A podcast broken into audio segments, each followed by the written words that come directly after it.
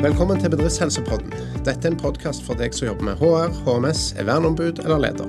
Jeg heter Pål Lillebø og er styreleder i Bedriftshelsetjenestenes bransjeforening. Har du spørsmål eller tema du ønsker vi skal ta opp, send en e-post til podcast.bhtb.no. Dagens tema er hjemmekontor. Og med meg har jeg Pål Molander, som har vært leder for Statens arbeidsmiljøinstitutt, vanligvis omtalt som STAMI, i mer enn ti år. Velkommen, Pål. Jo, takk. Du har vært skeptisk til utstrakt bruk av hjemmekontor. Hvorfor det? Det er fordi at uh, det er egentlig relativt solid kunnskapsgrunnlag på at hvis man strekker det for langt, så er det en del negative sider knytta til det. Ikke bare til arbeidsmiljø og helse, men også produktivitet, innovasjon. De tingene som arbeidsgivere burde være opptatt av. Da. Ja. Kan du si litt mer om det? Ja, det, det, kan vi godt. Eh, eh, det er et godt norsk uttrykk 'alt med måte', og det gjelder også her, ser det ut som. Eh, Statens arbeidsmiljøinstitutt, STAMI, som, som jeg som du sier, ledet tidligere, akkurat byttet jobb. Vi gjorde en kunnskapsoppsummering midt under pandemien på all internasjonal tilgjengelig kunnskap som fantes på dette området her fram til pandemien starta. For da har du en normalsituasjon det er naturlig å kunne sammenligne seg med. Det som skjedde under pandemien, var jo veldig spesielt. Absolutt. Og den, den kunnskapsstatusen sier veldig enkelt, og da er det de aller, aller, aller beste studiene internasjonalt som er blitt vektet tyngst. Den sier at én eh, det er ikke så veldig veldig mye kunnskap vi har om det, så det må vi skape underveis. Men den kunnskapen vi har, peker på ett hovedutfordring, eller én hovedutfordring, og det er at det gir jobb-privatliv-ubalanse. Du visker ut noen grenser mellom når du er på jobb og når du ikke er på jobb. Eh, det kan både være eh, ønsket av arbeidstakeren selv, eh, det, det, kommer jo en pris med fleksibiliteten, men også noe som du kan føle indirekte forventninger av fra din arbeidsgiver. Og når vi hører toppidrettsutøvere snakke om, om, hvor mye behov det er for restitusjon, så er det jo sånn også for vanlige arbeidsfolk at vi har behov for hvile for å kunne prestere optimalt når vi er på jobb. Så det er den ene delen av det. Og så viser da også denne kunnskapsoppsummeringen tydelig én ting. At de som lykkes med dette her, for det er jo ikke svart-hvitt, de gjør noe lurt. De gjør tre ting. De passer på at de oppgavene du skal gjøre hjemme, det er ikke sånn at de nødvendigvis er de du skal gjøre på fredag. Det er de oppgavene som ikke krever mye samhandling. At det er konsentrasjonskrevende oppgaver hvor, som du like gjerne kan gjøre alene. Og så er det sånn at det må være en mulighet til å kunne jobb, gå på jobb når du måtte ønske. Så hvis det er sånn at du kutter i kontorarealer eh, fordi du skal spare husleie f.eks., og ikke alle kan gå på jobb samtidig når de ønsker det, så er det eh, negativt. Og så er det faktisk sånn at det er jo mulig å, å få noe positivt ut av en hjemmekontorsituasjon også, hvis du, hvis du balanserer dette her på en god måte. Og de som lykkes, da viser forskningen veldig tydelig at de gjør tre ting. Det ene er at de ikke er sånn at, at, man er hjemme på fredag fordi det passer deg best, men man er hjemme de dagene man skal jobbe med konsentrasjonskrevende oppgaver, eller oppgaver som ikke krever mye samhandling. Så er det sånn at, at du alltid må ha et reelt valg til å kunne gå på jobb, til å kunne gjøre jobben der hvis du ønsker det. Det skal altså være en, en sånn frivillighet knyttet til å få gå på jobb. Det er ikke sånn at, du, at, det ikke er plass til deg der fordi det er noen andre som tilfeldigvis eh, har, har eh, rangen på kontoret den dagen pga. underdekning. Så, så, det skal være mulig å gå på jobb når du måtte ønske det, i fullt ut tilfredsstillende lokaler. Og det tredje er at mengden ikke er for stor. At det ikke blir en sånn veldig tydelig overvekt av at man er veldig mye hjemme. Da kan man miste jobbtilhørighet, eh, som jeg vet også er en risikofaktor for turnover f.eks. Og, og man også kan miste det å se meningen med arbeidet som står veldig sterkt i norsk arbeidsliv. Så hvis du klarer å balansere de tre tingene, oppgavestyrt, mengde og at det er eh, mulighet til å kunne gå på jobb når du vil, så har du mulighet til å få en positiv gevinst. Så dette er ikke så lett. Det er ikke svart-hvitt. Nei, nei, og det, det, er vi jo klar over. Altså, Hvis du tenker dette så dere har uttalt dere litt om også i stad, med, med skille mellom jobb og hjem. Altså det at, at du kan viske ut skille mellom jobb og hjem, det å jobbe på hjemmekontor. Kan du si litt mer om det? Hvorfor er det et problem? Ja, Hvis vi husker tilbake til starten av pandemien, da skjedde jo noe helt fantastisk. Vi sendte jo halvparten av norske arbeidstakere hjem over en helg. Og, og, i løpet av den helgen så var veldig mange som aldri hadde hatt fjernarbeid, rigget for å kunne løse dette på en god måte. Og vi fikk til det på en veldig veldig imponerende måte. Og Da ble det litt sånn eufori også, hvor, hvor vi var stolte over hva vi fikk til. Og Lederne var veldig opptatt av sine ansatte også, og oppfordret f.eks. de ansatte mange, Det var jo mars, og man sa ta en skitur i lunsjen. Gå ut, eh, nyt solen, ikke bare sitt hjemme. Eh, og så er det jo sånn at Alle skjønner jo det at hvis du eh, skal gå på ski i lunsjen over tid, så vil du måtte hente inn den arbeidstiden en eller annen gang. Eller hvis du skal ta en vask, eller hvis du skal gjøre et eller annet privat innenfor det som vanligvis er kjernetid, så strekker man i de eh, grensene. Og da er det sånn at, at, at, at, det må man ta igjen over tid. Eh, og da visker man ut de grensene. Det blir litt utydelig. Det kan være litt fordi lederen ikke vet når du er på jobb, så da blir det helt legitimt å, å, å forvente at du skal ta telefonen klokka åtte på kvelden f.eks. Mm. Eller at du syns det er så kult når jobben er en meter unna. At du har oppslukende oppgaver som synes er så gøy, så du blir fanget inn i oppgaver som, som, som du syns er spennende og ikke klarer å sette grenser for deg selv. Det er vanskeligere å sette de skrankene der også. Så det kan være mange årsaker til dette. Men i sum så bidrar dette til noe som verken arbeidstaker eller arbeidsgiver tjener på. Fordi eh, det kan også gå utover produktivitet i tillegg til helse. Så å sette de grensene er ganske lurt. Og der har vi mye å lære fra toppidretten, mener jeg. Hør toppidrettsutøverne og hvor mye de snakker om restitusjon. Ja, men, men, produktiviteten gikk jo ikke ned. Altså, det var jo en del ledere som hadde liksom den holdningen at uh, nå får vi ikke kontroll på de ansatte. Vi, vi vet ikke om de nettopp som du sier, Én ting er jo når vi ble tvunget til dette i pandemien. Det var jo en annen ting. Altså, Myndighetene ba oss er det mulig, hold deg hjemme du kaller det fantastisk. Det er nok litt sånn varierende hvordan man opplevde det, men, men, det er klart at vi fikk det til, det er jo på sett og vis fantastisk. Men, men spørsmålet er liksom disse lederne som, som, hadde et kontrollbehov som de da ikke fikk oppfylt ved at, ved at de ansatte faktisk eh, jobbet hjemmefra. De tok jo feil, de som trodde at produktiviteten går ned. For, for jeg mener forskningen bl.a. til Oslo OsloMet viser at produktiviteten totalt sett har gått opp.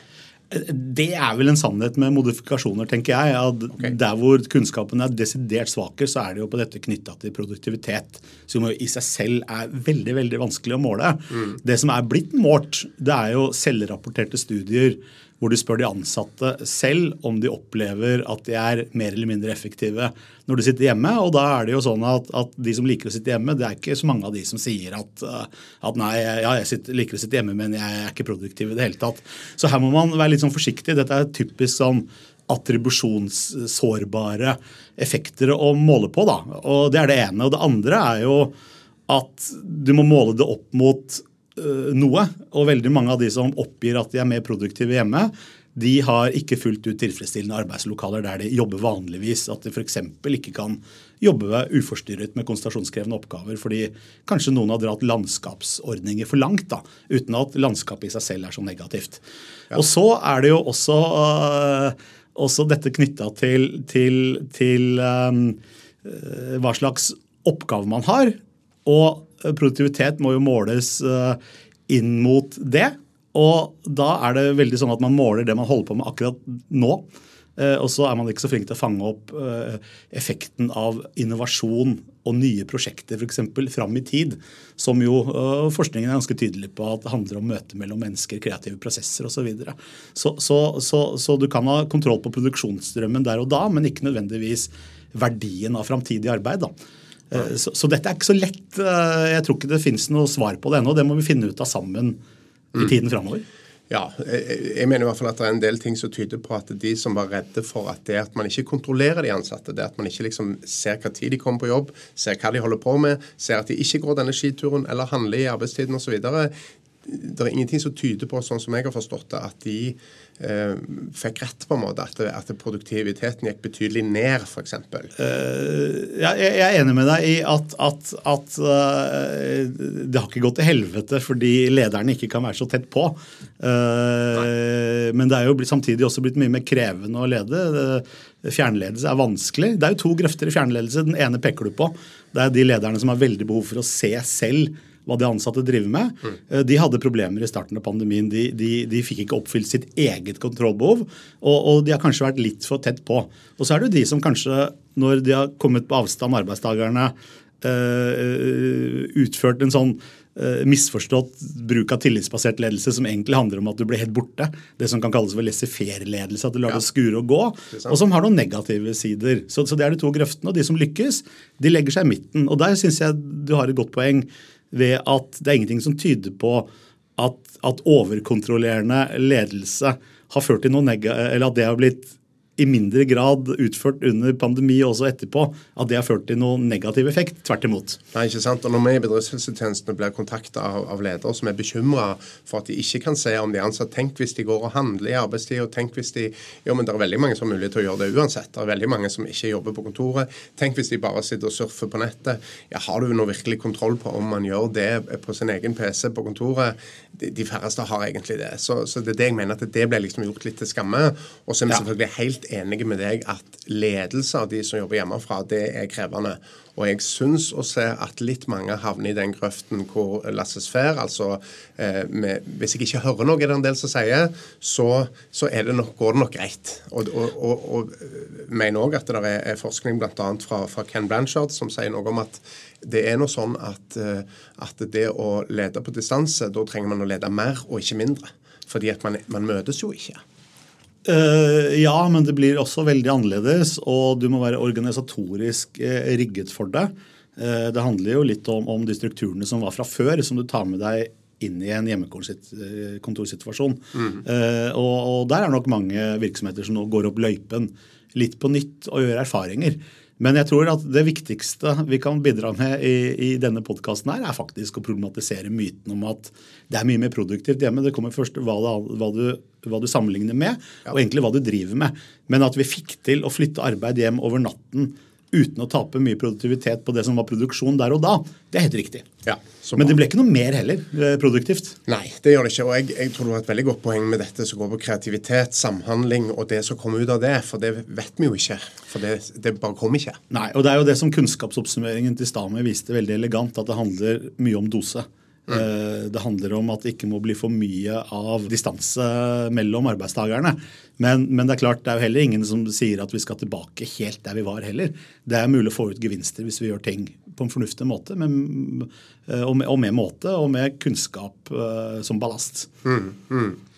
Ja, Oslo Met sier jo òg det at det er Eh, det, det, er på en måte de ansatte som vinner her. Altså, De ansatte ønsker å være mer på hjemmekontor enn de er, og lederne ønsker at de skal være mindre på hjemmekontor enn de er. Og de mener at det er de ansatte som kommer til å vinne eh, den eh, kampen der. Hva tenker du om det?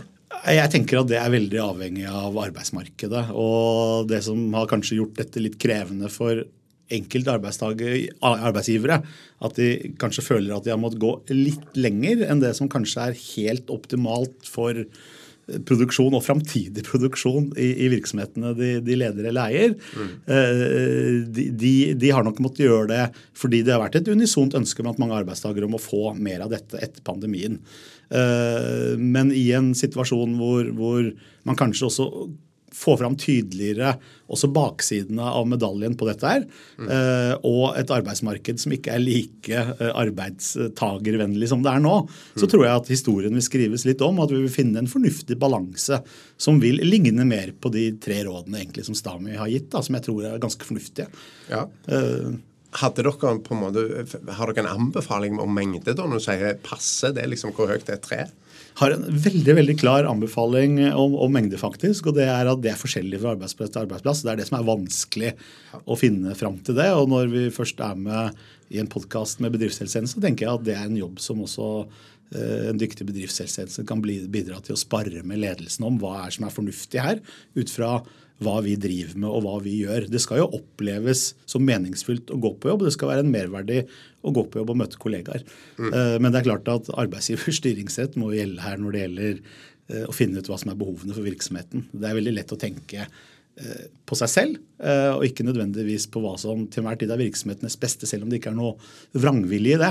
Mm. Et godt eksempel er faktisk, hvis du ser på den undersøkelsen som akademikerne gjorde under pandemien, så, så, så fant de ut at de som trivdes best på hjemmekontor og mente selv at de var mest produktive, det var det eldre arbeidstakere. Ja. Som hadde høy erfaring, ofte oppgaver på høyt nivå og stort nettverk som gjorde at de fikk tak i det de trengte, og hadde oversikt over arbeidsformene som var lett å ta med hjem.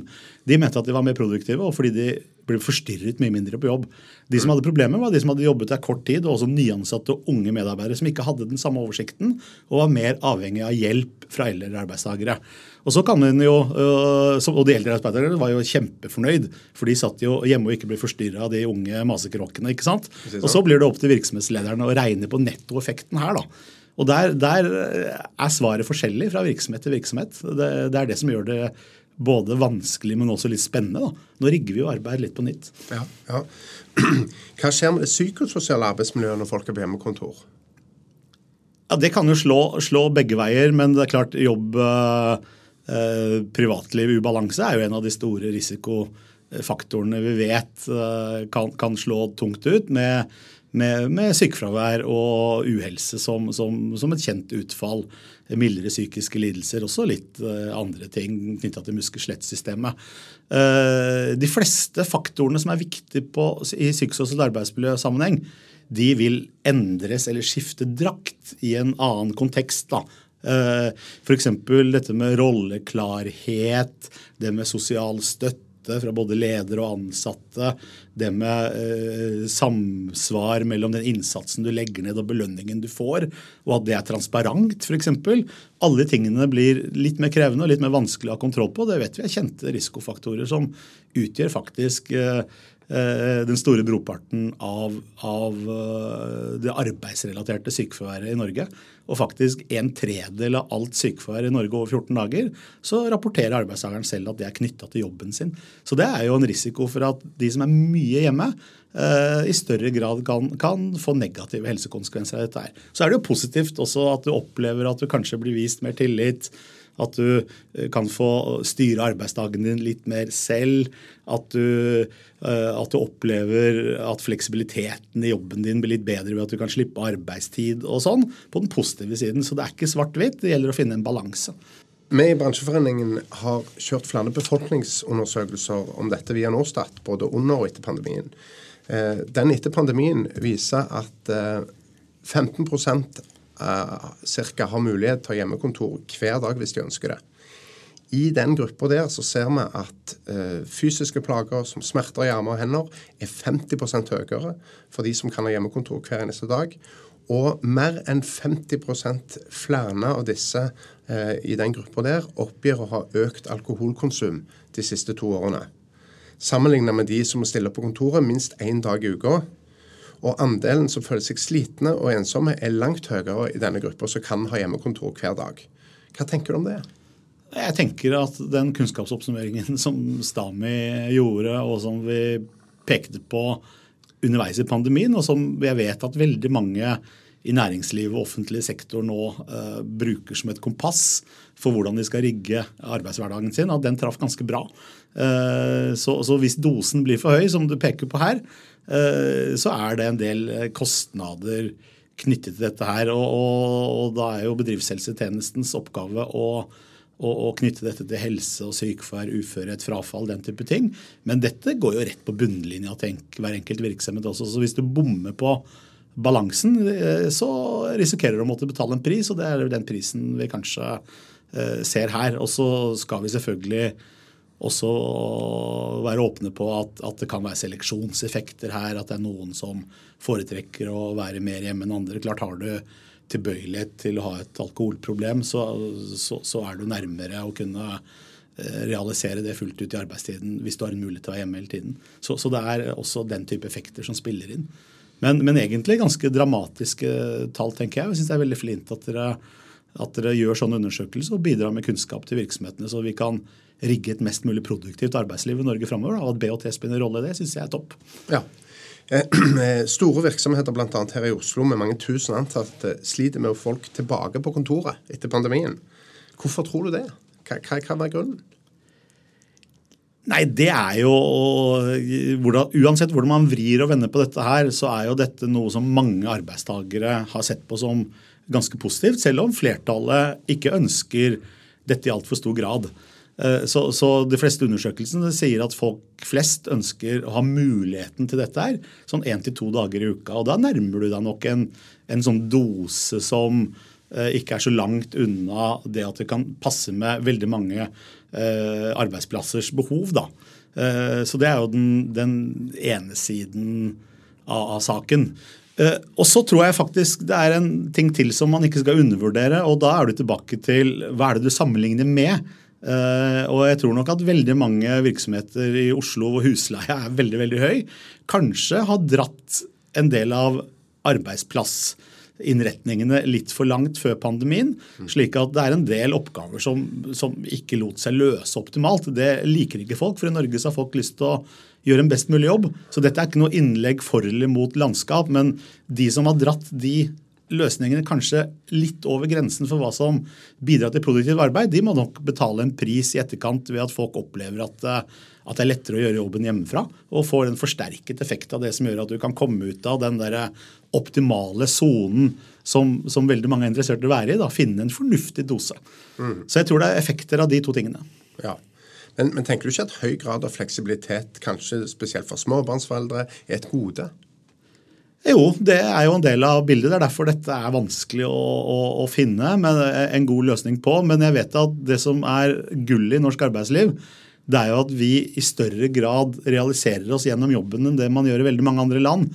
Så vi har det som har, kan kalles for høy jobbtilhørighet, og det har vi også fordi vi finner mening med arbeidet. Og et av de dramatiske funnene fra norske undersøkelser under pandemien er jo at jo mer du er hjemme fra jobb, jo mindre mening finner du i arbeidet, som jeg vet også bidrar både til helse, men også til over tid selvfølgelig produktivitet og disse tingene her.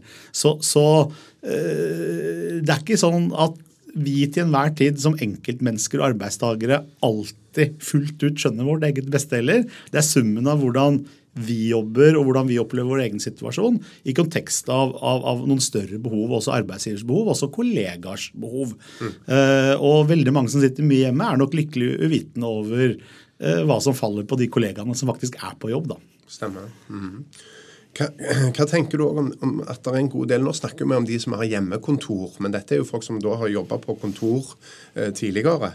Eh, men hva med alle de som ikke kan være på, eh, på hjemmekontor? De som jobber i pleie og omsorg, eh, skole, eh, verksted, offshore osv. Er vi i gang med å lage et klasseskille her? Er vi liksom eh, Det er vi nok i, i full gang med å gjøre. og det, det, det, Den diversiteten har jo vært ganske sånn utstrakt Eh, sånn eskalerende en god stund allerede knytta til kompetanse og digitalisering osv. At det er eh, mye mer kompetanseintensivt arbeidsliv eh, nå enn før. Og også at de jobbene med lav, krav til lav kompetanse også lettere er digitaliserbare, automatiserbare osv. Så, videre.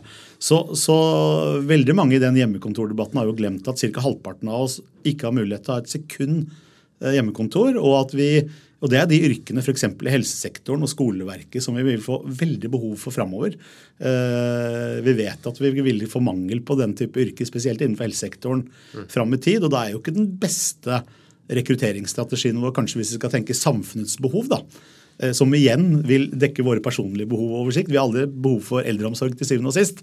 Eh, det er ikke den beste rekrutteringsstrategien tenker jeg, å gi enda mer fleksibilitet kanskje til de som har det fra før, hvis man skal ta det perspektivet. Så ja. dette er mangefasettert. Da. Det er derfor det er krevende. Mm. Vi opplever òg i bedriftshelsetjenesten at en del kommer opp si, eh, har sin hovedarena for sosial kontakt på jobben. De er enslige, de bor i en leilighet alene. Og at det faktisk er litt sånn stigma mot de som kommer på jobb hver eneste dag, som ikke må. Hva tenker du om det? Eh, jeg vet i hvert fall at jobb er en veldig viktig kime til helse i Norge for alle arbeidstakere, enten de eh, bor alene eller bor sammen med mange og familie. Eh, arbeid er jo en veldig, veldig viktig til helse. Det er noe av det sunneste du kan gjøre, er å jobbe, men det er gitt at du har et godt arbeidsmiljø. Hvis ikke så vet vi at, at det tar helse. Men, men øh, hvis man kommer i situasjoner hvor enkelte arbeidsgivere med rette fleste, hvis de ser at, at kontorlokalene står tomme, halvtomme halve uka, så er det legitimt å tenke da kutter vi litt på areal. Og hvis fristelsen blir for stor i å kutte for mye på areal, slik at det ikke er plass til alle som ønsker å være der samtidig, eh, så vil det jo kunne bli den type stigma hvis noen er der hver dag, eh, og som da binder opp plassen til de som ønsker å være der tre dager f.eks.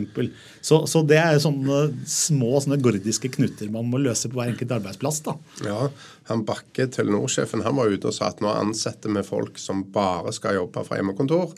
Men han gikk jo tilbake på det. Det, det ble liksom ikke en varig løsning i Telenor heller, det. Eh, nei, og så, så, så, skal man ikke undervurdere effekten av at, at en del av eh, tech-bedriftene, som jo også Telenor er en del av, også selger løsningene som muliggjør hjemmekontor. Så, så de var nok eh, ekstra hissige, tenker jeg, på å, å, å, se på dette også som en mulighet, og brukte seg selv som case. Og så har jo de kanskje måtte gjøre det som veldig mange andre i norsk arbeidsliv har måttet gjøre etterpå. At, at, at, det var kanskje ikke så enkelt som vi trodde innledningsvis. Og alle vi i norsk arbeidsliv strever nå med å finne en fornuftig eh, ja, fordeling av dette her ut fra både hva som er bra for arbeidstakeren, men ikke minst hva som er bra for virksomheten. Ja, Men tror du virksomheter vil la store deler av arealet stå tomt? Altså Når du sier at det, eh, det skal være rom til alle, eh, til, det skal være en kontorplass til alle hver dag, hvis jeg forstår deg riktig. Tror du virkelig strømkrise og økte kostnader osv. at man vil la store arealer stå tomme? Tror du ikke man vil kutte ned på, på arealene i selskaper til jo. det som er snitt? Jo, det har vi en forpliktelse til å, å, å gjøre ut fra enøk og miljøhensyn. Ja. Så det er ikke sånn at, at ikke nødvendigvis å kutte areal, men at vi ikke står med altfor mye ubrukt areal. Det vil jo si at vi må tenke annerledes eh, framover. Men, men, å kutte utover det som til enhver tid er, er et normalbehov i en virksomhet, ved at man da sender folk ufrivillig hjem, eh, selv om det er et ønske om at flere ønsker å være på jobb samtidig, det tror jeg er negativt for produktiviteten. Det som ofte skjer uh, i, i, virksomheter som kutter for mye på areal, da vil avdelingsledere eller teamledere, prosjektledere, den type ledere si at jeg vil at mine folk skal komme på tirsdag og torsdag. Uh, og da er det ikke plass til andre. Eh, de dagene. Og så blir det en sånn organisering som, som indirekte bidrar til silodannelse, som vi vet er negativt for, for, både utvikling av bedriftskulturer, men også produktivitet. Eh, og det bryter jo med prinsippet om at du skal ha en mulighet til å kunne gå på jobb når du ønsker det. Men det bør ikke være flere pulter enn det det er bruk for. Og, og det adresserer jo egentlig problemet skal du ha en fast plass. Uh, og det, det, er nok en, en, diskusjon som er opp til diskusjon på de fleste steder, vil jeg anta. Definitivt. Og hva tenker du om, Det er jo ikke alle som har et eget kontor hjemme. Det er ikke alle som har et kontor i leiligheten sin eller i, i huset sitt som liksom står tilgjengelig og kan være kontor. Eh, kjøkkenbord vet vi er mye brukt. Eh, mange forteller om soverom. og ja, selvfølgelig salongbord. Hva, hva, tenker du om liksom å sitte og jobbe på kjøkkenbord eller stuebord dag ut og dag inn? Nei, Jeg tenker at, at, det er det veldig mange som ikke har lyst til. og Da burde de ha en, en, en, mulighet til å kunne gå på jobb så ofte de ønsker det i fullt ut tilfredsstillende lokaler. Det er det som ligger i, i egentlig den kunnskapsoppsummeringens uh, oppsummeringspunkt uh, der. At, at, det er ikke veldig lurt å sende de ufrivillig hjem hvis de ikke har en fullt ut tilfredsstillende situasjonen hjemme heller. Så det handler om egentlig å skape optimalt arbeid. da. Eh, det er så enkelt som det. Eh, det handler ikke om hvor du sitter eller hva du gjør, men hvordan er det vi jobber og samhandler best. Og da er lokaler en ramme rundt dette her. Eh, og hvor vi nok har lært under pandemien at det er mulig å innføre noe fleksibilitet, men vi må ha bevisst forhold til hvor er det grensene går. Både for arbeidstakeres helse, men også for virksomhetenes ve og vel og produktivitet og, og, og, alle de tingene som handler om egentlig core business. Ja. Hvis du skulle gi ett godt råd til ledere som hører på denne podkasten, hva, hva, vil du si i forhold til hvordan organiserer vi dette med hjemmekontor? Jeg tror det er veldig viktig å, å, å legge casene på bordet. Eh, prøve å mappe hvordan er det eh, arbeidssituasjonen blir påvirket, ikke bare din egen, men, men kollegaers og hele virksomhetenes behov i en helhet, og diskutere grad av hjemmekontor i lys av det. Ikke om at alle vi hadde på fredag fordi eh, det, da kan du jobbe fra hytta, eller noe sånt, men det handler om å organisere dette på en måte som gjør at vi skaper verdier da, Det er jo derfor vi er på jobb, og det er jo sånn, vi er så heldige i Norge at, at, at de fleste arbeidstakere digger å være med å skape de verdiene, enten det er i offentlig sektor eller i privat sektor. Jeg har ikke møtt noen som ikke er interessert i å gjøre en best mulig jobb. Ja. Det, det, er jo det som kjennetegner norske arbeidstakere. Det er veldig veldig viktig. Derfor så er det også vi som risikerer kanskje mest av et internasjonalt perspektiv, som har skåret så høyt på det fra før. Hvis vi ikke øh, behandler dette med litt sånn edruelighet og åpenhet og ærlighet. Eh, så når jeg peker på en del øh, negative sider ved dette her, Eh, så handler ikke det om at, at, at, at, jeg personlig er veldig negativ til dette. her. Det handler egentlig om at vi må balansere det på en god måte. Jeg tror ikke vi skal tilbake helt der vi var heller, eh, men, men alt med måte, tenker jeg. Så den nye normalen det er ikke frislipp, tenker du altså? Det tror jeg vil være veldig dårlig business case for, for de aller fleste.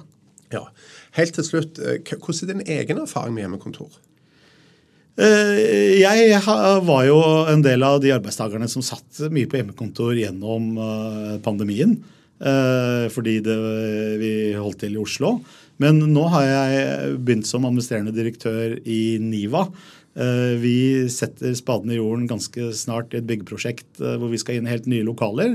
Og er nå i ferd med å rigge de ut fra de behovene som NIVA har, og, og, og, det som er både arbeidstakernes forventninger og sånn hos oss nå. Så på sett og vis så, så, er det veldig spennende, for jeg møter meg jo selv i døra i forhold til den kunnskapen jeg har om dette fra Stami og de tingene som vi har hevdet på vegne av Stami. Eh, nå får jeg det i fanget også med å tenke på kostnader, husleie, enøk og alle de forpliktelsene her. Og, og jobber og bæler like mye med dette her som alle andre. Eh, så, så, jeg tror ikke fasiten er skrevet ennå. Jeg tror vi skal skape mye kunnskap underveis. Og, og at vi vil gjøre nyttige erfaringer også framover om hva som er den riktige måten å, å, gjøre dette på. Det jeg er helt sikker på, er at det fins ikke noe fasitsvar hvor vi kan herme etter naboen. Dette kommer an på hva vi skal gjøre, hva vi driver med nå, og hva vi skal gjøre i framtida som krever samhandling og rigging nå. En liten reality check der, altså. Det er det for så vidt, men, men en, en, spennende en. Og jeg er sikker på at vi skal få til dette her i NIVA på en, en god måte som vil, vil sikre at, at, det vil gi god uh, produktivitet også for oss framover. For arbeid er gøy, og der er det masse motiverte arbeidstakere som også har lyst til å være på jobb, selvfølgelig.